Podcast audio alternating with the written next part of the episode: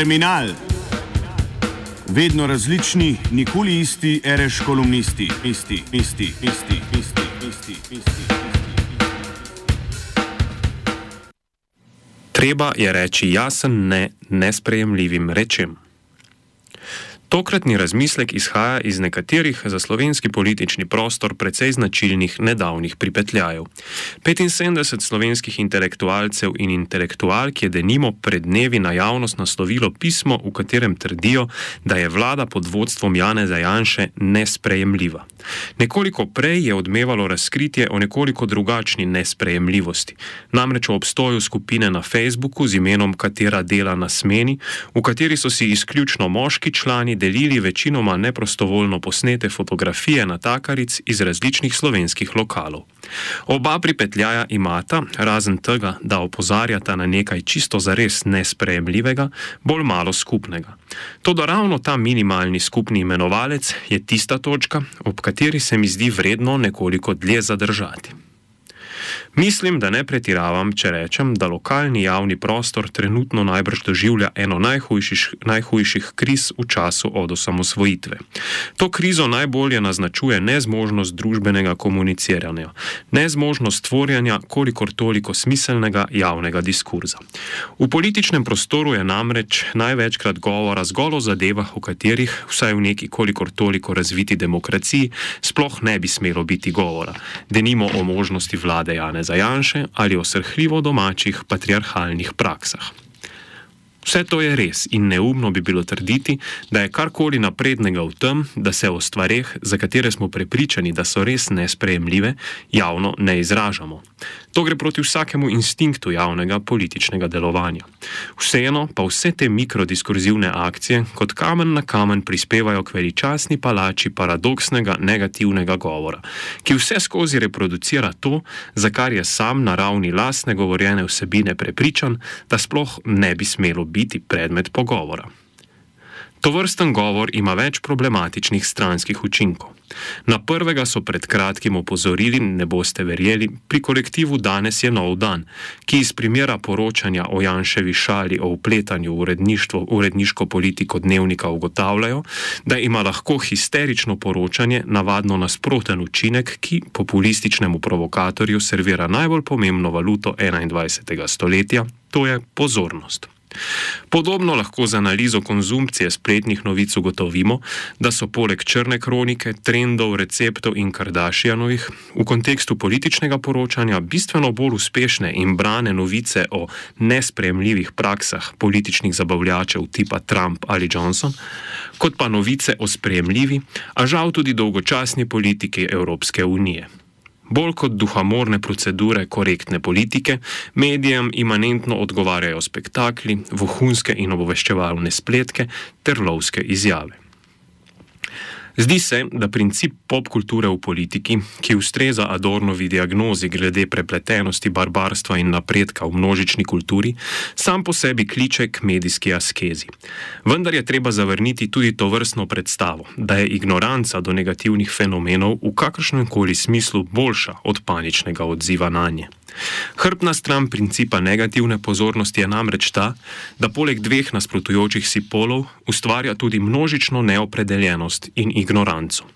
Pasivizirane množice zapuščajo prostor javnosti, ki naj bi bil namenjen racionalni politični razpravi, in se raje javno udejstvujejo v apolitičnih instagramovskih praksah, ter s tem posredno normalizirajo tudi možnost skrajno desne vlade.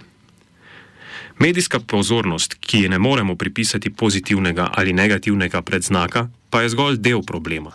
Kot pokaže razpita študija z naslovom Donald Trump kot kulturni upor proti komunikacijskim restrikcijam, je mogoče podporo Trumpu deloma razložiti z negativnimi, vsebinsko praznimi in neideološkimi razlogi, torej ravno kot rezultat upora proti principu nadzora javnega govora, ki skuša potegniti jasno črto med sprejemljivim in nesprejemljivim. Trumpa torej niso volili samo voljivci, ki bi jim bila všeč njegova ideološka vsebina, temveč tudi uporniški voljivci, ki so želeli zavrniti princip ukazovanja in zapovedovanja sprejemljivega. Posledice tovrstnega obrata so dobro znane, tako v ameriškem kot v slovenskem političnem kontekstu. V glavah množič, množic se pozicija transgresivnega uporništva preseli na desno stran političnega spektra. Podobno kot v zlatih 80-ih letih, Punk in Janša ponovno nista na povsem nasprotnih stranih. Še največji problem pa izhaja iz tega, kako to vrstni govor o nesprejemljivem odmeva na drugi, nasprotni strani političnega spektra. Tudi v tem mehurčku je izjava 75 intelektualcev popolnoma pričakovana in razumljiva, le da ne je interpretirana kot glas razuma, temveč kot izraz branjenja privilegijev, gretja v državnih jaslih, komunistične kontinuitete in tako dalje. Teorijo o vsesplošni mafijski prepletenosti potrjuje tudi dejstvo, da glavni mediji, ki so seveda označeni kot režimski mediji, dirigirani nekje iz ozadja, izjavo obravnavajo pretežno naklonjeno ali vsaj neutralno. Nasprotni mnenjski mehurček torej ni mehurček, v katerem ne bi razumeli govora o nesprejemljivem.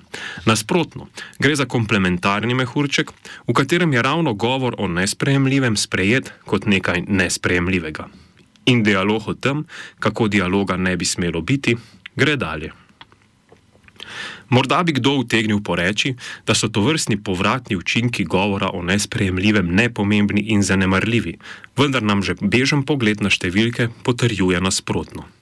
Roman Končar denimo za objavo, v kateri se zgraža nad akademiki, prejme bistveno večje število všečkov od katerekoli delitve prvotne izjave. Mehurček tako imenovanih drugače mislečih se skratka veča in postaja, če ne v večini nealternativnih medijev, pa vsaj na socialnih omrežjih in v podtalnem družbenem brbotanju, nekaj vse bolj vsakdanjega, sprejemljivega in množično prepričljivega. Tako danes antijanšizem, za razliko od protestniške zime 2012-2013, žal nima potencijala, da bi tvoril množično ulično gibanje. Vse to nam dokazuje precej samoumevno dejstvo. Žal ne živimo v popolnoma razsvetljeni družbi, v kateri bi vsi delili prepričanja javnih intelektualcev.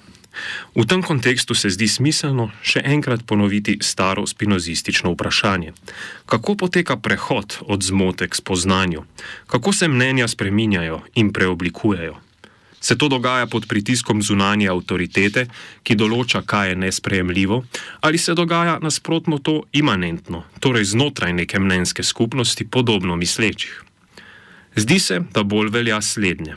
Vendar se žal tudi zdi, da je progresivna politika postala popolnoma nesposobna kakršne koli infiltracije oziroma imanentnega vplivanja na mnenje drugače mislečih, kar je strukturno povsem razumljivo, saj se z drugače mislečimi ne pogovarja. Popolnoma je pozabila na enega najosnovnejših namenov političnega delovanja. To je prepričevanje na terenu in od spodaj na vzgor, ki je predpogoj za kakršno koli spremembo. To vrstno prepričevanje in dialog z drugače mislečimi, neke vrste interakcija s profilom podeželskega, religioznega, konservativnega prebivalstva, bi vnaprej preprečila situacijo, v kateri smo in v kateri poteka nesprejemljiv res je dialog o tem, ali bi lahko Janša vodil vlado.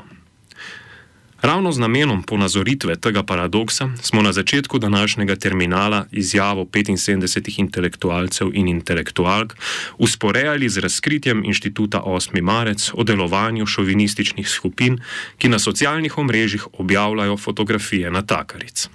Sam sem bil namreč zaradi različnih socializacijskih razlogov in specifik odraščanja v določenem lokalnem okolju pogosto del raznovrstnih izključno moških družb, zbranih ob gostilniških omizjih, na razno raznih klopcah ali v nogometnih slačilnicah. Kjer opolzek govor ali poniževanje nasprotnega spola ni nekaj povsem nesprejemljivega. K to vrstnemu govoru mogoče nisem dejavno prispeval, vendar se mu, če čisto iskreno pomislim, tudi skoraj nikoli nisem direktno postavil po robu. Zakaj je bilo temu tako, se sprašujem.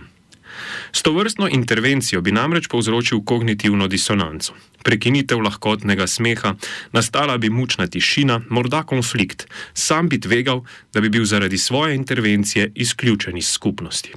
Vsekakor se mi je vedno zdelo veliko enostavneje na Facebooku razglašati svoja antišovinistična stališča, kot pa v izključno moški družbi intervenirati v primeru šovinizma. Namen te prigode je ponazoriti, zakaj se mi v neugodnem političnem trenutku, kot je današnji, vsaj kar se tiče delovanja, zdi smiselno začeti s tovrstnimi majhnimi, a precej mučnimi koraki.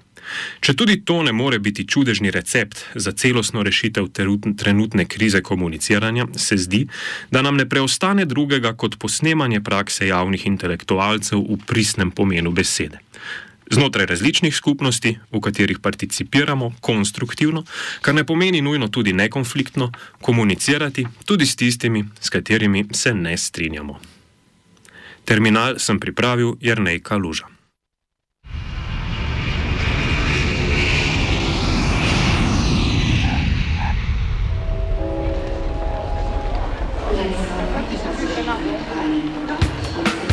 Terminal vedno različni, nikoli isti, reš kolumnisti, isti, isti, isti, isti, isti, isti. isti.